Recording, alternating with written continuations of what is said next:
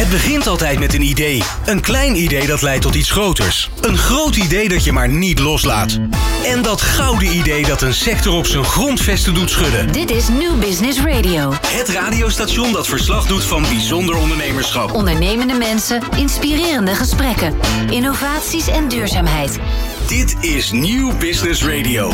Welke macro-economische ontwikkelingen zijn er? Hoe gaan de politiek en sectoren ermee om? Vanuit meerdere invalshoeken belichten we elke week een andere ontwikkeling.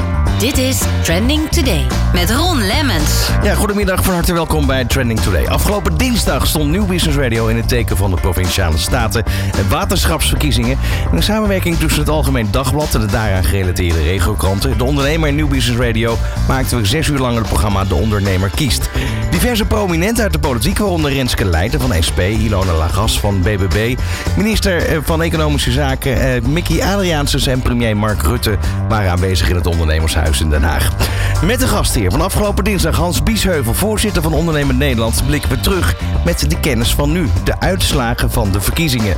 Blijft het kabinet Rutte nog overeind en gaat men luisteren naar de kiezer die toch wel behoorlijk een signaal heeft afgegeven?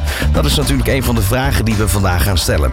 We bellen met Ilona Lagas, fractievoorzitter van de Eerste Kamer voor BBB, de grote winnaar met minimaal 16 zetels in de Senaat. Midden in de agri-sector staat Robert Ellekamp, hoofdredacteur en onderzoeksjournalist van de Agio Uitgeverij, de uitgever van vakbladen voor de agri-sector. En verder hebben we contact met LTO Nederland over de eerste reacties. Welkom bij Trending Today. Van hippe start-up tot ijzersterke multinational. Iedereen praat mee. Dit is New Business Radio. Hans, van harte welkom in de studio. En we gaan heel snel naar de telefoon. We hebben uitgebreid de tijd straks om ook eigenlijk jouw dag van vandaag door te nemen. Want jij hebt al diverse gesprekken gehad.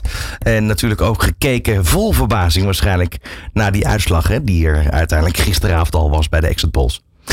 Ja, ik zag het wel de laatste dagen echt een beetje aankomen. Want ik ben behoorlijk veel het land in geweest. En ik voelde wel de sympathie zeg maar, voor de BBB heel snel groeien de afgelopen tijd. Dus zo'n grote uitslag had ik niet verwacht. Maar dat er een flinke overwinning aankwam, dat zag ik eigenlijk wel aankomen. En uh, nou ja, ik heb ook een korte nacht gehad, zoals velen in dit vak, denk ik, op dit moment.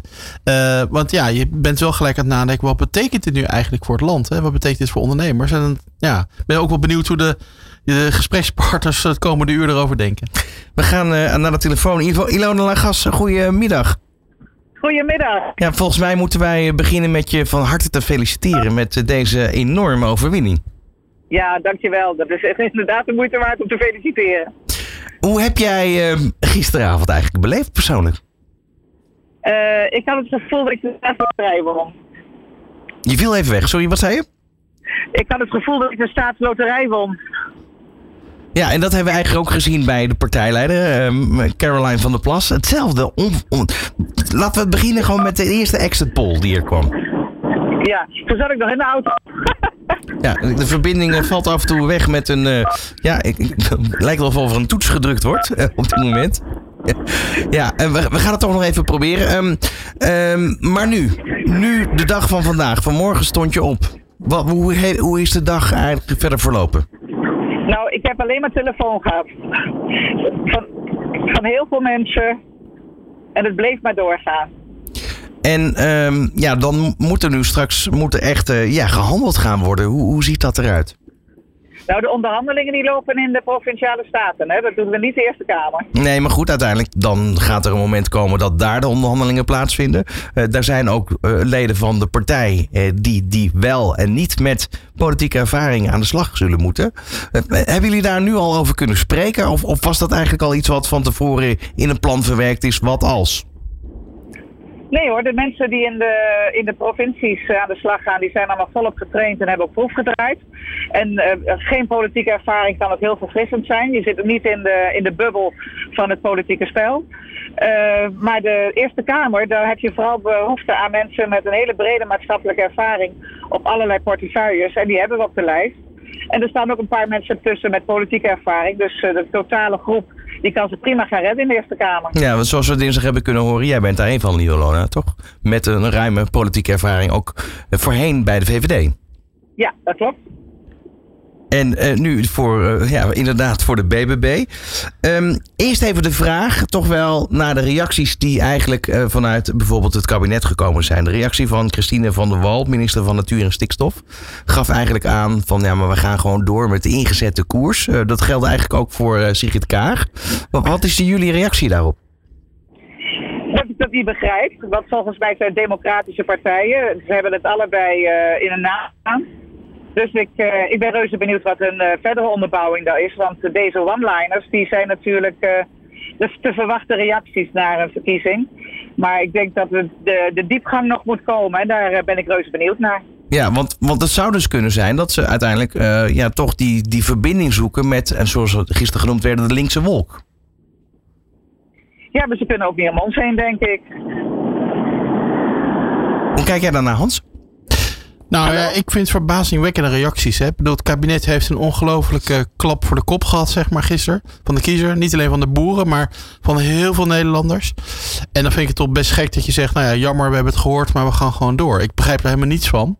Uh, dus ja, ik hoop eigenlijk dat, uh, dat men toch vandaag in de fractievergadering die ze ongetwijfeld met elkaar hebben, wakker wordt en zegt, ja, uh, dit signaal kunnen we niet negeren. Hier moeten we echt naar gaan luisteren. Maar niet alleen luisteren, maar ook naar gaan handelen.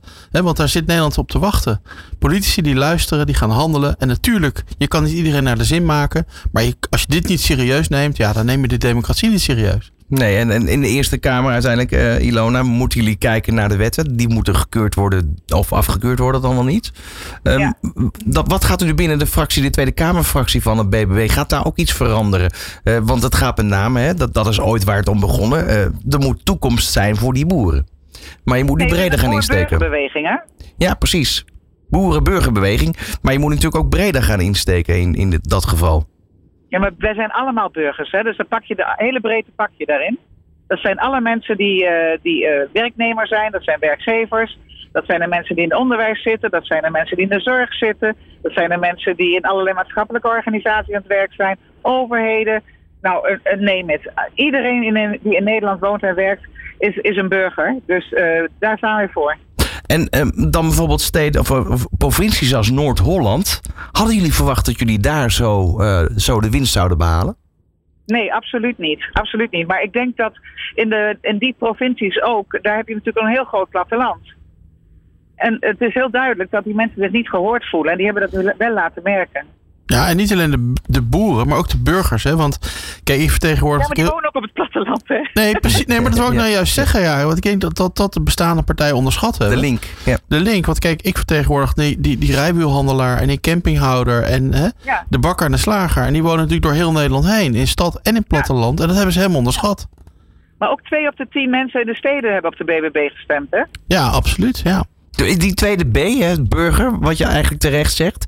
Um, is dat misschien onderbelicht gebleven al die tijd? Om, omdat er toch altijd wel die focus was van, nou, uh, ooit ontstaan eigenlijk uit onvrede wat er uh, ja, met de boeren gebeurt in Nederland?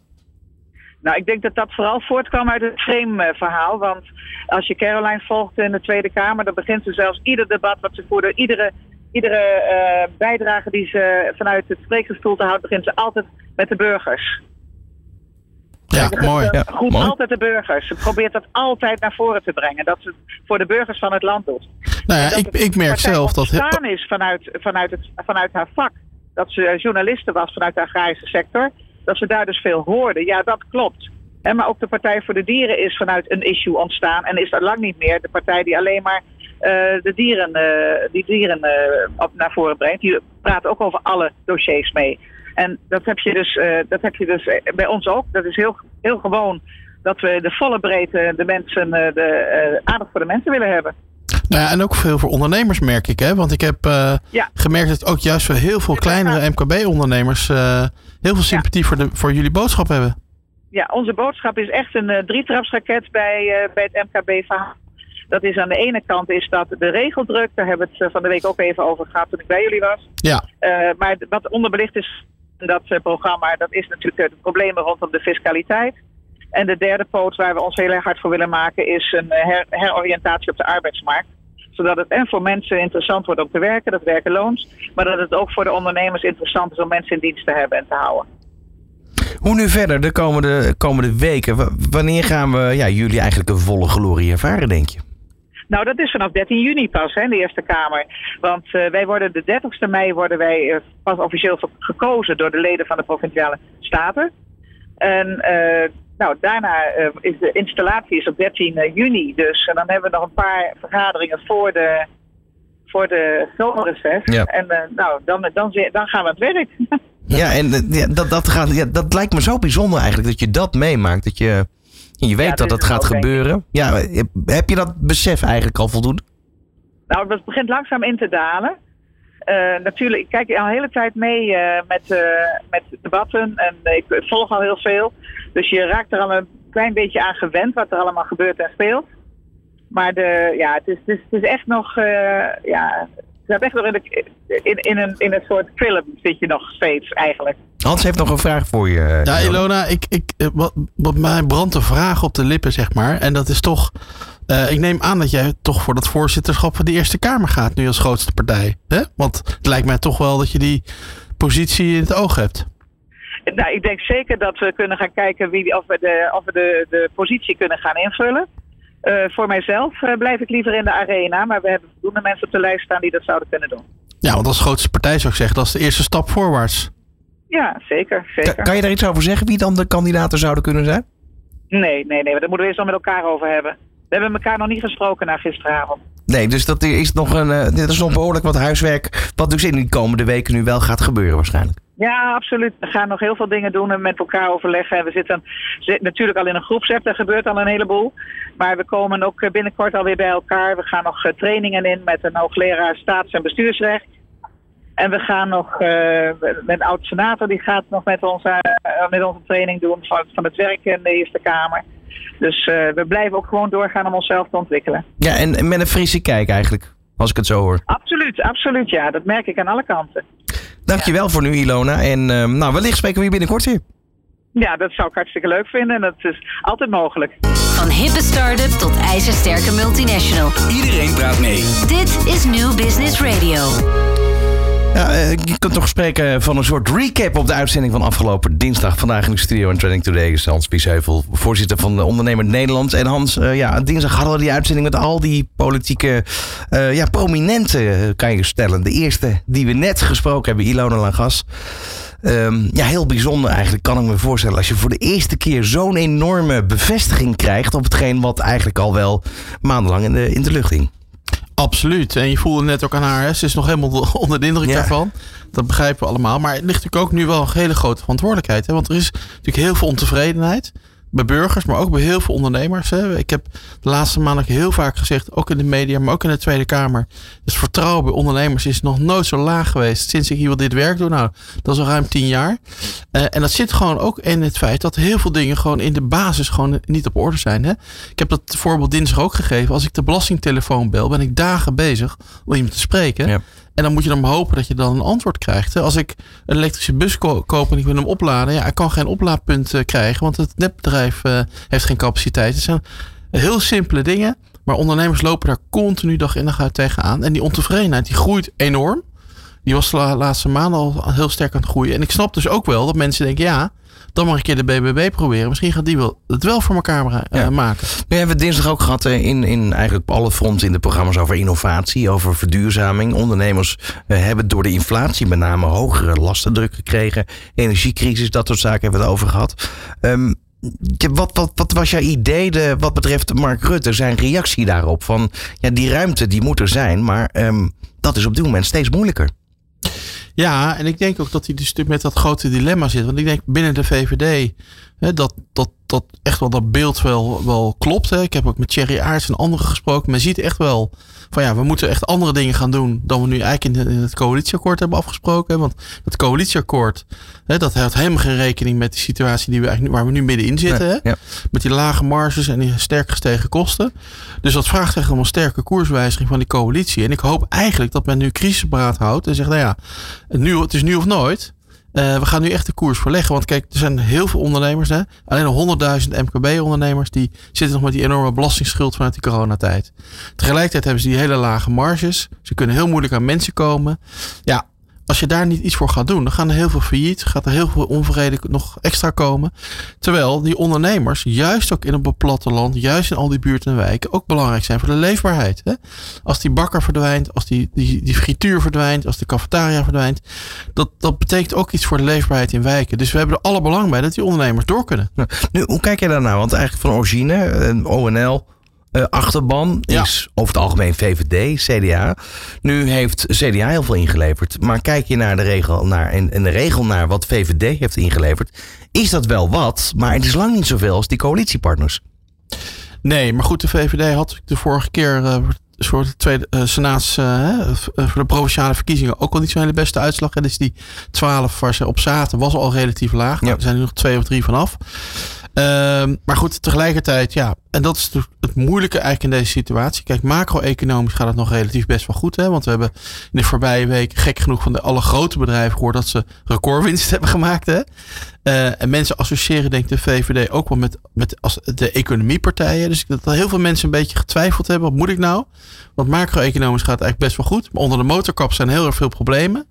Uh, dus daar, ik denk dat de VVD daardoor minder verloren heeft dan, dan, dan misschien hè, het sentiment mhm. was. Is het wellicht ook omdat je uh, toch kiest voor een partij die stabiel ja. al jarenlang aan de macht is en heeft laten zien ergens ja, hoe de overheid dan daarop reageert. Toch ergens die houvast zoeken. Van oké, prima dat BBB ze goed gaat. Maar ze hebben het nog niet laten zien. Dus ik leg mijn stem leg ik toch nog eventjes neer bij uh, de gevestigde orde. Precies. Nou ja, ik denk dat dat zo is. En ik kijk, de, je kan natuurlijk van de VVD van alles zeggen. Van alle coalitiepartijen.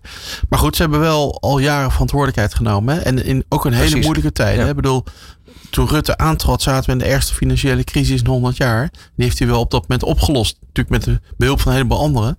Maar we zijn er wel vrij goed uitgekomen. Sterker nog, als beste land in Europa zijn we eruit gekomen. Hè? Corona is ons overkomen, maar we zijn er wel op een relatief goede manier doorheen gekomen achteraf. Hè? Als, je het, als je terugkijkt ja.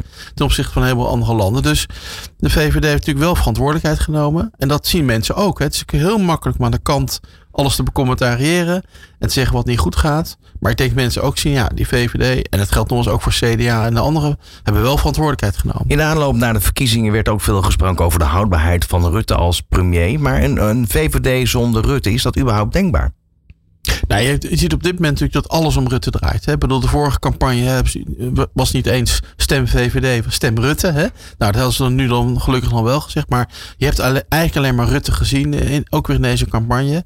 Uh, en je ziet dat hij gewoon op dit moment nog heel cruciaal is. En ja, ik ben eigenlijk wel blij dat hij er nog steeds is. Hè? Want kijk, ook in het buitenland, hè, geopolitiek zijn er gigantische spanningen in de wereld. Dat doet het voor Nederland denk ik nog steeds heel goed. Gerespecteerd, met veel ervaring en routine. Dus ik zou zeggen, op dat punt moeten we heel blij nog zijn dat we hem hebben. Maar binnenlands is er echt nu een koerswijziging nodig. Ja. Want die onvrede, die moeten we echt gaan wegnemen. Want er komt gewoon geen draagvlak voor al die lastige maatregelen die genomen moeten worden. Nou, een van die redenen is uiteraard stikstof. Um, we hebben aan de telefoon uh, Robert Ellenkamp. Hij is hoofdredacteur van AGO-uitgeverij en onderzoeksjournalist in natuurbeleid. Uh, even voor het moment dat je niet weet wat dat dan precies is. Uh, die dus een uitgeverij die dus veel vakbladen uitgeeft in de agri-sector. Robert, goedemiddag. Goedemiddag. Ja, je hebt vannacht, even om daarmee te beginnen, zelf nog heel lang geteld, hè? Want je was lid van een stembureau. Ja, dat klopt. Ik zat om uh, ook kwart voor zeven s ochtends was ik er al, omdat ik de spullen klaar moest zetten om het om half acht open te laten gaan. En om, ik geloof dat het tien over half drie was, dat we gestopt zijn met het tellen van de stemmen van de waterschappen, want we waren moe. Ja, um, voordat we het zo meteen hebben over die inhoud, hè, want um, ja, uh, je, hebt, je hebt er goed voor ingezet. Um, die hele agri-sector hebben jullie natuurlijk, kennen jullie van binnenuit. Daar gaan we het zo meteen uitgebreid over hebben. Ook over um, ja, het natuurbeleid, waar jij veel van weet als onderzoeksjournalist. Maar eerst even een persoonlijk linkje met Caroline van der Plas, want die is er hè, bij jou. Ja, dat klopt. ja, ik ben uh, uh, al 13 jaar hoofdredacteur bij uh, Agio. En uh, een paar jaar geleden heb ik uh, Caroline aangenomen als chefredacteur intensief. Hoe, hoe, hoe, was ze, zeg maar, toen je, toen je haar eigenlijk net aannam? Was het nou iemand ja, die de tanden erin zet? Dat was wel een rare gewaarwording, want ik, ik kende haar al omdat ze al een tijdje voor ons als freelance redacteur werkte. En ik dacht echt van, goh, dat is gewoon echt iemand met echt heel veel kwaliteiten. Dus ja. ik denk, ja, ik, neem, ik was dan wel haar leidinggevende, maar eigenlijk uh, had het ook net zo goed andersom kunnen zijn. Dus uh, dus ja, ik was erg mee vereerd dat zij voor ons wilden gaan werken. En Ehm, toen, was, eh, en toen mhm. was het nog niet bekend trouwens dat ze een, een politieke partij eh, ging oprichten. Dat wist ze zelf natuurlijk wel. Maar ze was toen zeg maar ZZP'er en eh, nou ja, was een beetje freelance journalist en deed wat communicatieopdrachten. En eigenlijk zocht ze op dat moment een, een vaste aanstelling, zodat ze nou ja, die acquisitie niet meer hoefde te doen. En zich dus ook wat meer kon richten op het ontwikkelen van die politieke partij. ja, we hoorden net haar collega Ilona Lagas zeggen. ehm, doordat zij ehm, eigenlijk zoveel journalistiek werk heeft kunnen verrichten in die tijd, wist ze ook precies wat er mankeerde. Nou, ze, ze loopt sowieso al een tijdje langer mee in de, in de agrarische sector. Dus eh, voordat ze bij ons werkte, heeft ze eh, in de communicatiekant gezeten van de agrarische sector. En daarvoor was ze ook als journalist bij een aantal eh, vakbladen. Dus ze loopt al een heel tijdje mee. Maar ze is ook een tijdje beleidsmedewerker geweest van de, ja, de, de, de vakbond van varkenshouders. Ehm, en daar heeft ze heel erg geleerd eh, nou, wat er eigenlijk allemaal vanuit eh, overheidswegen zeg maar, op naar boeren afkwam. En eh, nou ja, al die regeldruk en waar ze mee te maken hebben. En nou, maatschappelijke druk, dat is bij varkenshouders natuurlijk nog wat meer dan misschien bij, eh, bij melkveehouders. Mhm. Eh, dus daar heeft ze heel goed doorgekregen wat het allemaal betekent. En ja, toen had zij ook al wel een idee van hier, moet, hier moet iets mee gebeuren. En zij is toen eigenlijk begonnen met een, met een, met een, met een, met een tweetkanaal op Twitter op te zetten. Een boer-burger tweet heette dat. Ehm, eh, om eigenlijk een beetje verbinding te krijgen tussen boeren en burgers. Om eh, wat meer eh, te laten zien, wat gebeurt er nou eigenlijk op een boerenbedrijf. Om zo dat draagvlak wat, wat groter te krijgen. Maar goed, dat, dat heeft ze een paar jaar gedaan. En toen zei ze van, ja, dat werkt niet. Dus toen is de knoop doorgehakt. Dan moeten we maar een politieke partij oprichten. Als ik het zo hoor, is het eigenlijk onder jouw bewind ontstaan. nee, dat speelde veel eer. Nee, nee die, die plannen had ze al. En dat boerenburger tweet, dat deed ze al eh, veel langer. Voordat ze bij ons eh, eh, als freelance journalist aanklopte.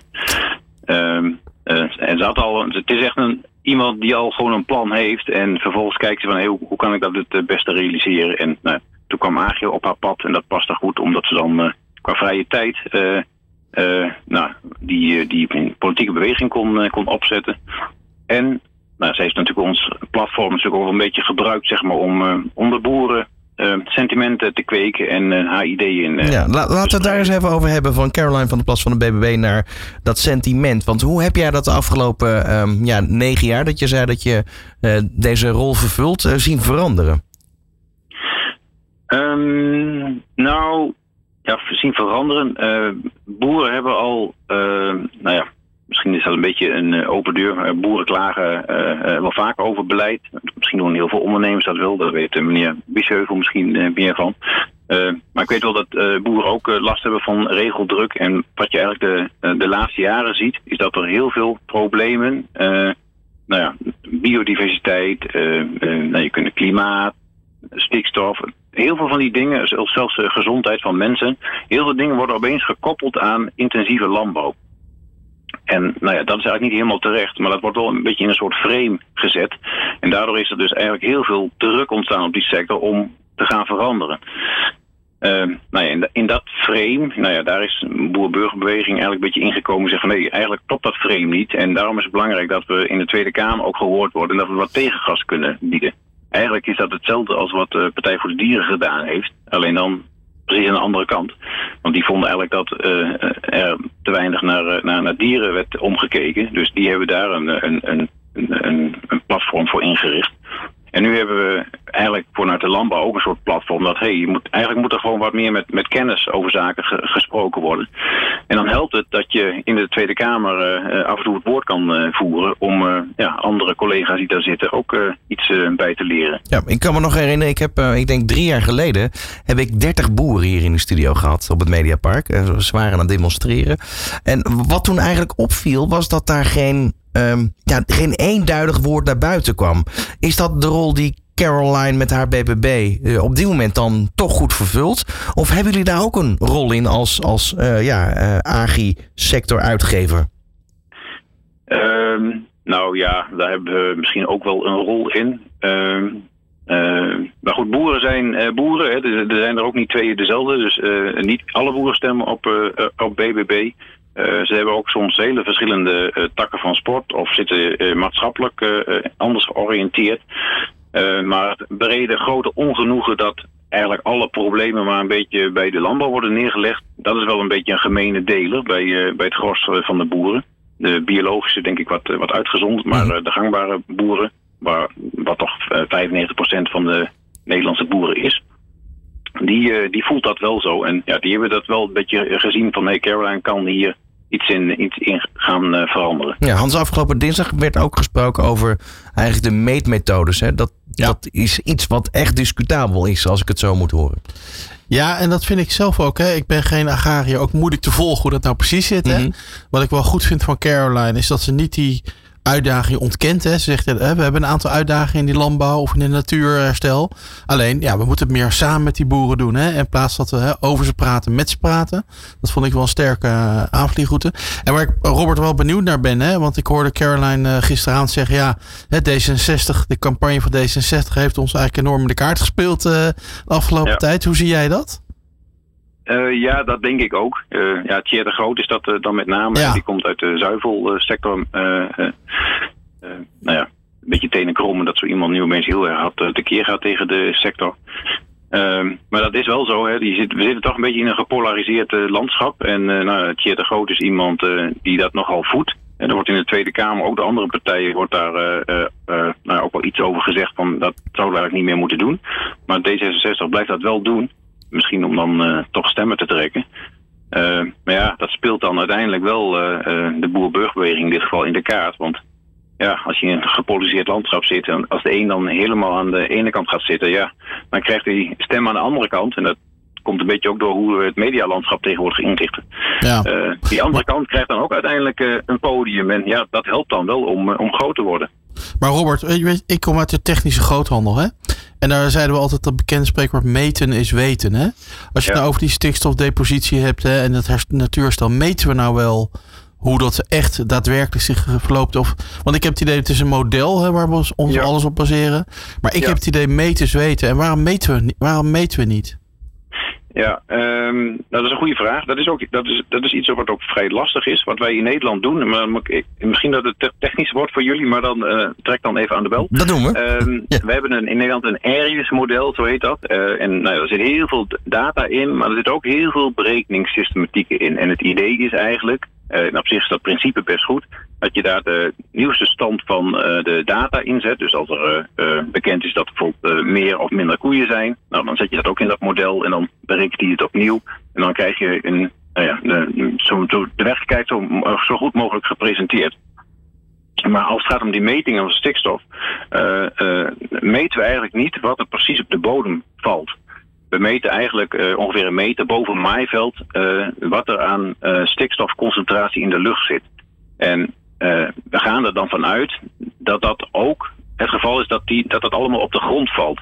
Maar wat op de grond valt, dat is over het algemeen gewoon wat via, nou ja, als het dan regent en het hangt in de lucht, dan komt dat op de grond. Dat kun je heel goed meten. En dat wordt ook, dat wordt ook gemeten, dat noem je de natte depositie. Maar die droge depositie, dat is eigenlijk een luchtconcentratie die gemeten wordt. En er wordt dan een soort aanname gedaan van, oh, dan zal dat ook wel voor een heel groot deel ook op die grond vallen.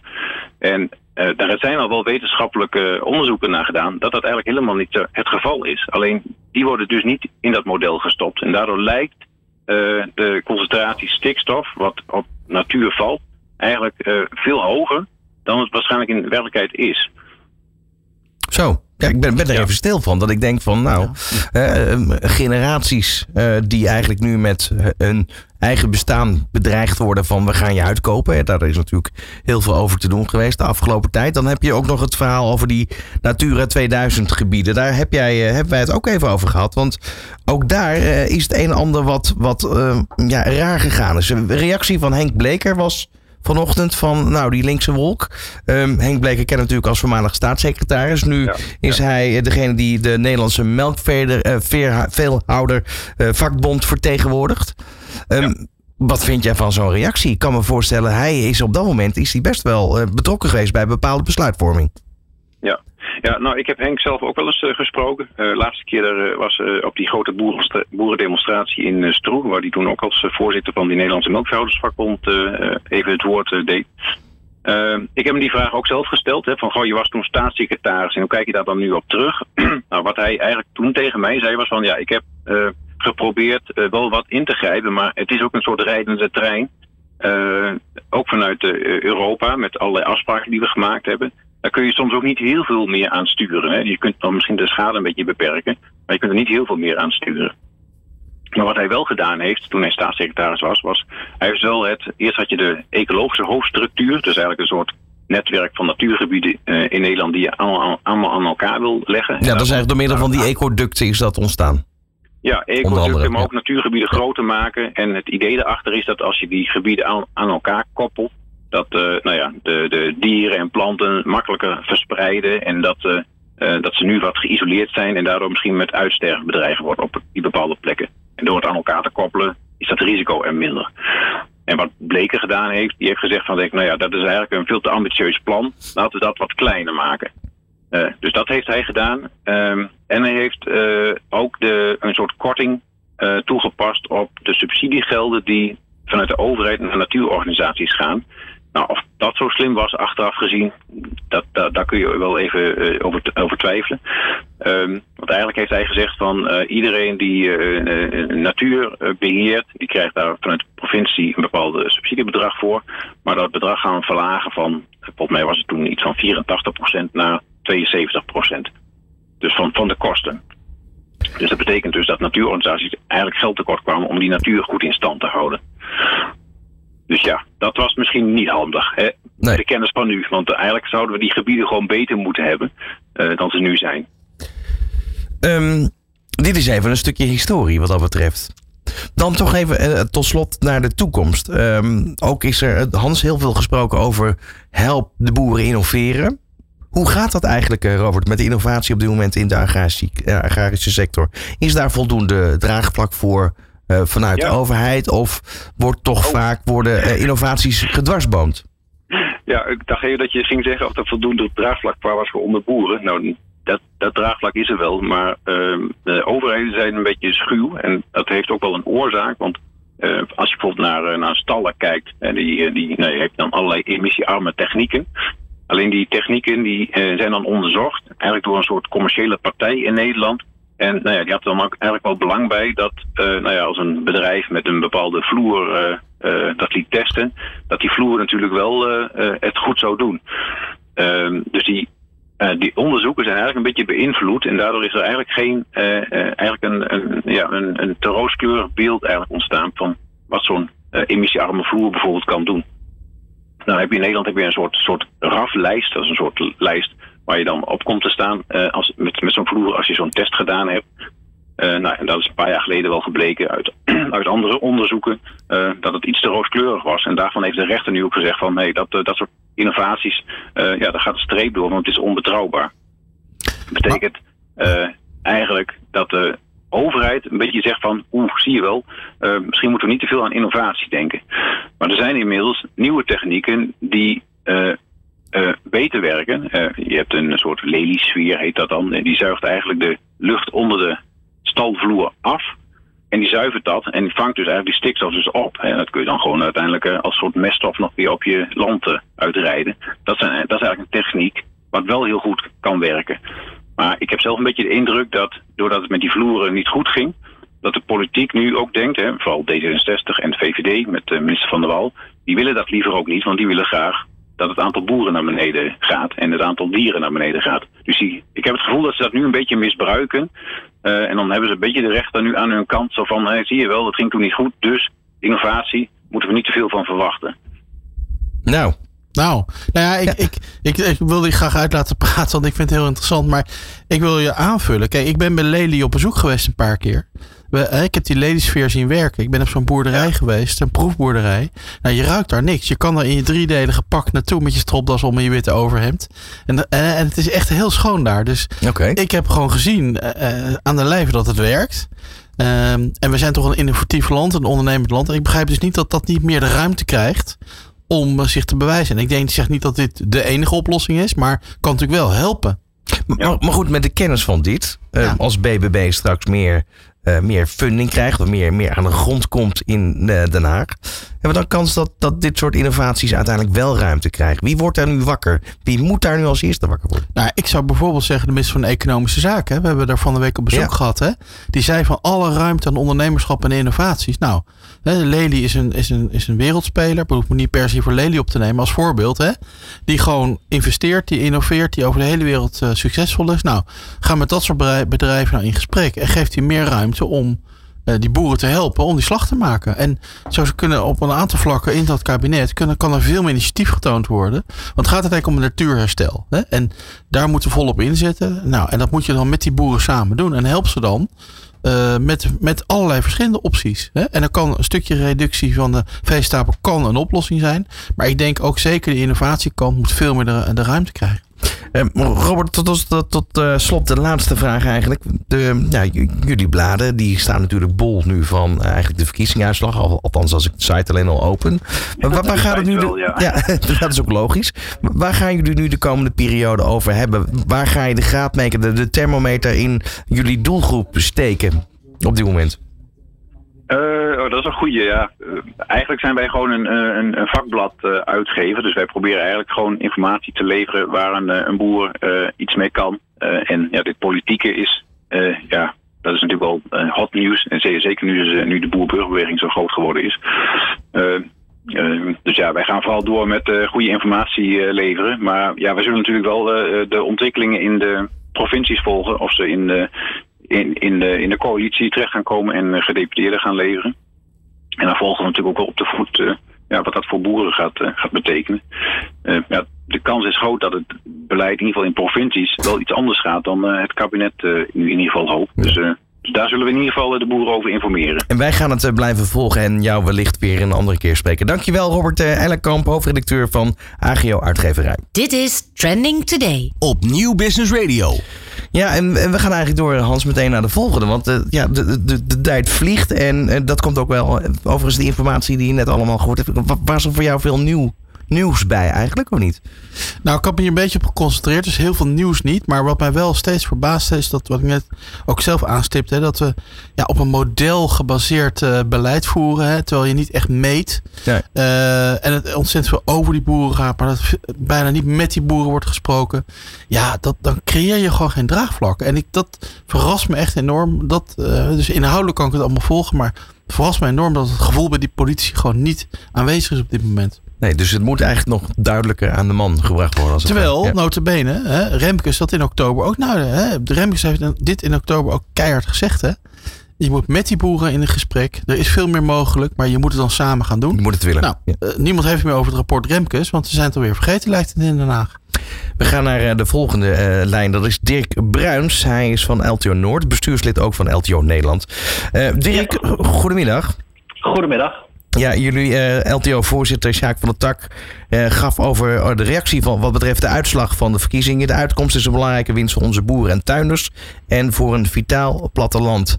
Um, nu even specifiek voor de regio Noord, want daar is, um, ja, daar, is, daar leeft het gewoon al heel tijd. Um, hoe nu verder? Wat is jullie eerste reactie? Het is trouwens altijd wel mooi. Hoor. U zegt LTO Noord en zo heet onze organisatie. Alleen, wij zijn vrij uh, ruim. Dus wij, zijn, wij bevatten negen provincies. Dus we, zijn, uh, we zitten eigenlijk door heel Nederland. Ja, maar jullie zijn wel opgesplitst. Hè? Je hebt geloof ik het deel West, uh, het deel Friesland, Groningen, Drenthe ja. en Overijssel, Gelderland. Ja. Is een se ja, sector we hebben het allemaal in, behapbare brokken ge, ge, gehakt inderdaad. Maar we zijn uit, met elkaar zijn we gewoon heel LTO en, en ook LTO Nederland. En daar ben ik vicevoorzitter van. Klopt. Was je, was je verbaasd over de uitslag in Noord-Holland? Ja, daar was ik dus wel uh, verbaasd over. Uh, kijk, uh, we zagen het wel aankomen. We hebben overal verkiezingsdebatten ook georganiseerd door, door, ons, hele, door ons hele gebied. Ehm, dus dan zie je ook wel een beetje de sfeer natuurlijk. je ziet de peilingen, zie je wel. je hoort ook gewoon in de omgeving van, van wat er wel gebeurt. Hè. Dus dan zie je dat wel aankomen. Alleen dan zie je toch in Noord-Holland, waar je ook een meer stedelijk gebied zit.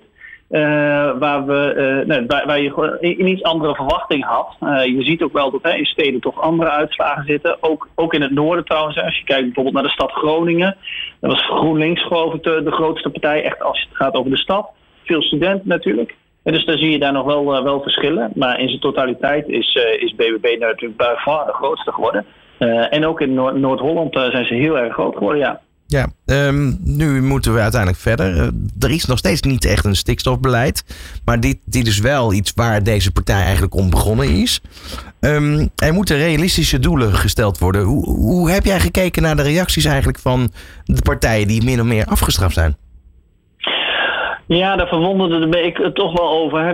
Dat, toch bijna uh, zie je dan toch wat reacties die. Uh, ik denk dat die ook ja, voortkomen uit een, uit een stukje teleurstelling. kijk, natuurlijk is het ontegenzeggelijk waar dat er afspraken zijn in Europa die, die gemaakt zijn. je ziet dat de rechter een aantal uitspraken gedaan heeft. En dus in één keer denken dat, dat er helemaal niks meer hoeft op het gebied van stikstof, dat is natuurlijk ook niet waar.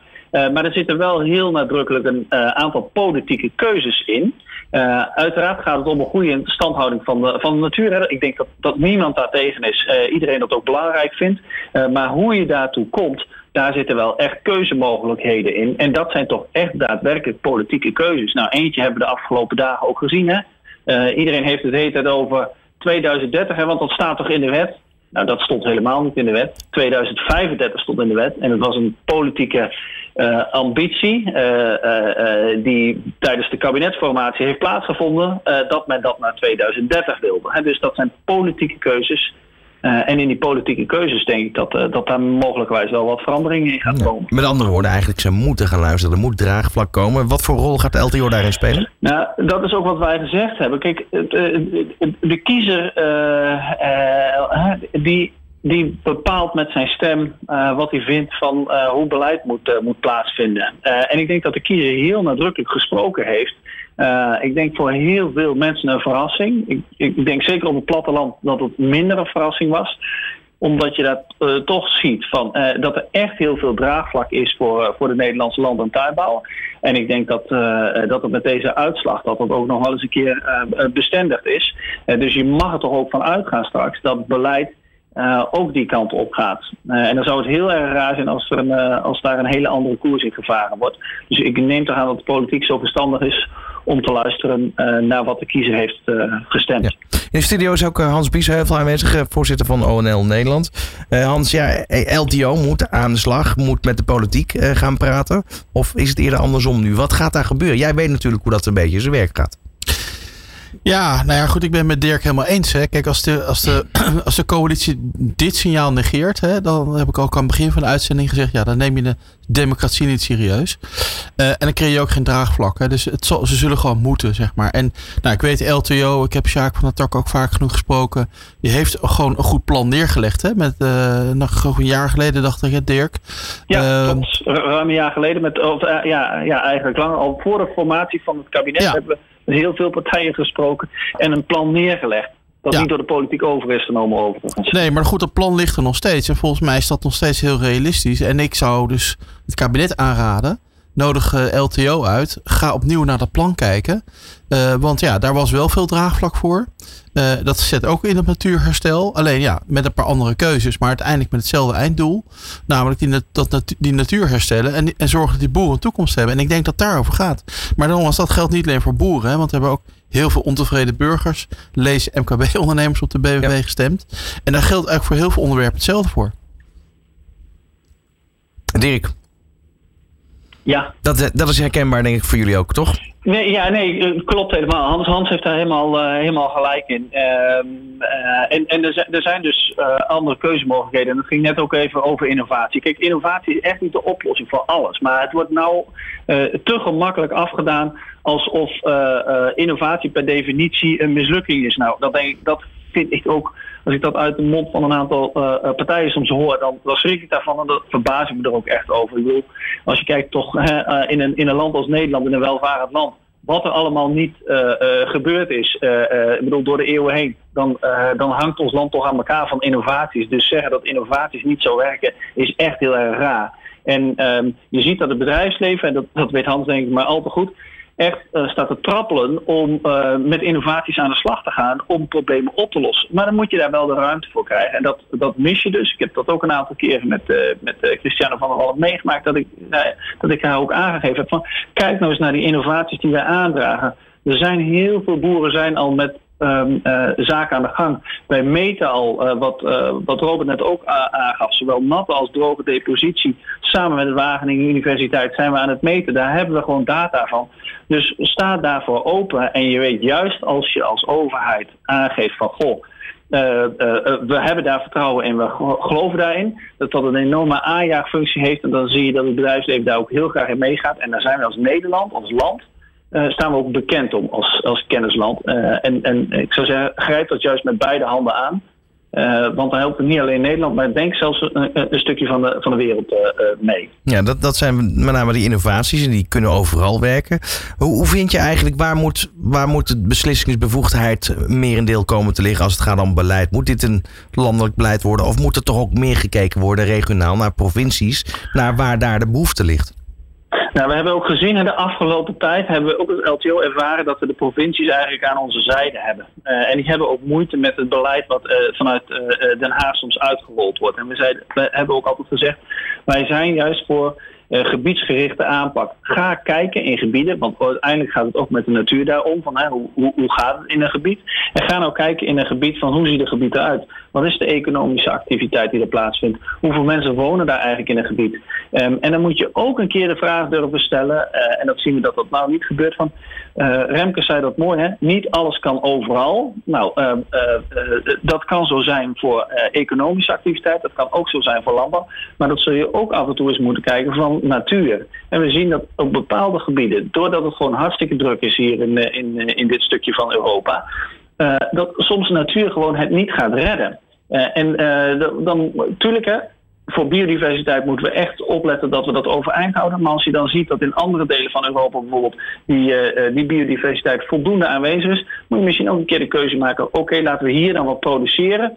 Uh, en op andere plekken kan die natuur floreren. en dan doe je ook de goede dingen met elkaar. Maar die discussie durft men in een wat breder verband, ook in Europees verband, soms niet, niet te doen.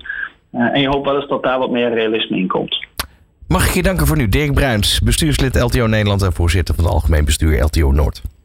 Graag gedaan. Ja, tot slot uh, gaan we nog even verder praten hier in de studio, Hans. Um, um, toch ook de vraag: gaat het kabinet het wel redden eigenlijk? Want dat is natuurlijk eigenlijk de prangende vraag die overal gesteld wordt. Ik heb hem expres tot het laatste bewaard. Ik begrijp het. Uh, maar uh, maar het, het, wordt best wel onhoudbaar. Er is eigenlijk weinig uitgekomen de afgelopen maanden sinds de aantreden van het kabinet. Dat hebben we afgelopen dinsdag ook overduidelijk gehoord. Maar je ziet de oplossingen die crisissen veroorzaken, zijn er wel degelijk misschien dichterbij dan dat men nu doet voorkomen.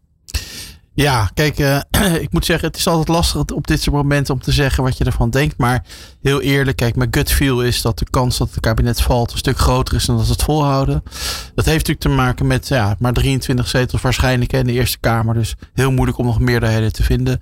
Ik denk ook dat de implosie in het CDA veel groter is dan we misschien met z'n allen nu al doorhebben. Want het is echt uh, niet goed daar. Dus ja, wat betekent dat voor de coalitie? Een hoop vraagstukken. Maar ik denk ook dat zeg maar de echte goede oplossingen gewoon simpelweg de afgelopen anderhalf jaar bij dit kabinet niet op tafel hebben gelegen. Ik refereerde net bijvoorbeeld aan dat, hè, dat voorstel van de LTO. Dat was echt breed gedragen. Ook door boerenorganisaties. Eh, breed door Nederland heen. Ja, als ik op minister van Landbouw was geweest, had ik gezegd, ik grijp dat gewoon aan. We gaan mee aan de slag. We gaan vast maar beginnen ermee. Nu we anderhalf jaar gepraat, is nog niks gebeurd. En ik denk dat die houding er veel meer in moet bij die politiek. Hè? En nou, jouw vraagt van redden ze het? Ik denk het niet. Omdat zeg maar, de, de, er is te veel ideeënarmoede. Men is te druk met elkaar. Men is te weinig met die samenleving bezig. Dus ik ja, denk dat de kans dat ze het redden heel klein is. Ja, dat hebben we dinsdag natuurlijk ook besproken. Het verschil met corona. Toen werd er wel degelijk gehandeld. Werd er snel gehandeld. Um, wat is dan de tendens? Is het zo dat, dat eigenlijk die coalitie gewoon niet met elkaar werkt? Zou je dat kunnen concluderen? Nou ja, kijk, het regeerakkoord was al een moedje. Hè? Ik heb het steeds een moedje genoemd. Ze, ze waren na negen maanden allemaal moe. Er kwamen toen gemeenteraadsverkiezingen aan. Men dacht, nou ja, het moet dan nu maar. Het enige waar men het eigenlijk echt over eens was van nou we gaan 65 miljard meer uitgeven de komende jaren hè, via die fondsen. Maar je voelde eigenlijk vanaf dag één al de echte liefde ontbrak. Hè? Ja. De echte passie ontbrak. En dat heb je ook de afgelopen uh, 14, 15 maanden gezien. Er is nog bijna geen snippertje wetsvoorstel naar de Tweede Kamer gestuurd. Omdat men het met elkaar al niet eens kon worden. Dus ik denk dat het, uh, nou ja, of men moet nu echt het roer omgooien. En wat, wat moet men als eerste doen als men het roer omgooit? Nou, deze verkiezingsuitslag serieus nemen. En, en zorgen dat de basis weer op orde komt. Ik bedoel, dat zit op heel veel vlakken. De uitvoering zit muurvast in Nederland. Hè? Bij de Belastingdienst, bij het UWV. En nogmaals bij het aanvragen van de vergunning. Bij het oplossen van de toeslagenaffaire. Bij het herstellen van een huis in Groningen. Oh, het zit muur en muur vast. Maar een time-out nemen is eigenlijk, dat kan, dat kan niet. Nee, maar, maar, maar dat betekent dus dat, we hebben gisteren gezien, hè, reden nummer één dat mensen op de BBB gestemd hebben was ja, het functioneren van de ministers. Hè. Men ziet gewoon niet de daadkracht, niet de mouwen opstropen, niet ministers dingen gewoon oplossen voor mensen. Dus je moet de dingen gaan oplossen voor mensen. Ik denk dat dan kan er weer een sfeer ontstaan van oké, dan kunnen we ook grotere dingen gaan doen. En voor die tijd, als ze dat niet gaan doen, geef ik het heel weinig kans om, uh, om uh, te blijven zitten. Waar zit de gevarenzone voor de BBB? Waar kunnen zij in no time eigenlijk toch hun winst verspelen? Heb je daar een idee van? Nou ja, kijk, ik denk dat nu wel belangrijk wordt dat de BBB uh, serieus gaat leveren. Hè? Want ze hebben natuurlijk nu twee jaar de tijd gehad om nou ja, aan te geven waar gaat het niet goed. Ze hebben nu een hele mooie overwinning behaald. Uh, maar ik denk dat het nu wel tijd wordt dan om inderdaad ook met die oplossingen te komen. Want mensen zoeken een huis. Mensen willen die vergunning. Uh, mensen willen die schade van een huis in, in, nou ja, in aardbevingsgebied mm, opgelost ja. hebben. En mensen willen gewoon zien dat politie gaan leveren. Dus ik denk dat daar de BBB zich op moet concentreren. Dat ze ook mensen straks als gedeputeerde gaan benoemen. Of als eh, voorzitter van de Eerste Kamer of waar dan ook. Die ook inderdaad die intentie hebben om dingen echt concreet op te gaan lossen. Ja, jij gaat je natuurlijk, je blijft je inzetten voor al die ondernemers in Nederland. Al die MKB-ondernemers. Um, waar we eigenlijk ook in een roerige tijd zitten, waar we niet allemaal grip op hebben natuurlijk. Kijk naar de energiecrisis, de, de onrustige situatie in Oekraïne en ga zo maar even door. Ja, kijk, er is op dit moment natuurlijk veel gaande. Hè? En um, ja, het is natuurlijk ook op dit moment al lastig. Hè? Ook al heb je niet al die problemen om mensen te vinden om überhaupt het werk te doen. Hè? Dat speelt op dit moment in MKB heel erg sterk. Je ziet dat dan de reactie van heel veel ondernemers. Dat zie ik ook bij mezelf. Ja, dan ga je nog maar meer uren maken, nog minder slapen. Hè? Uh, weekends opgeven om het allemaal maar vol te houden. En je voelt gewoon, er zitten heel veel mensen tegen die grens aan. Hè?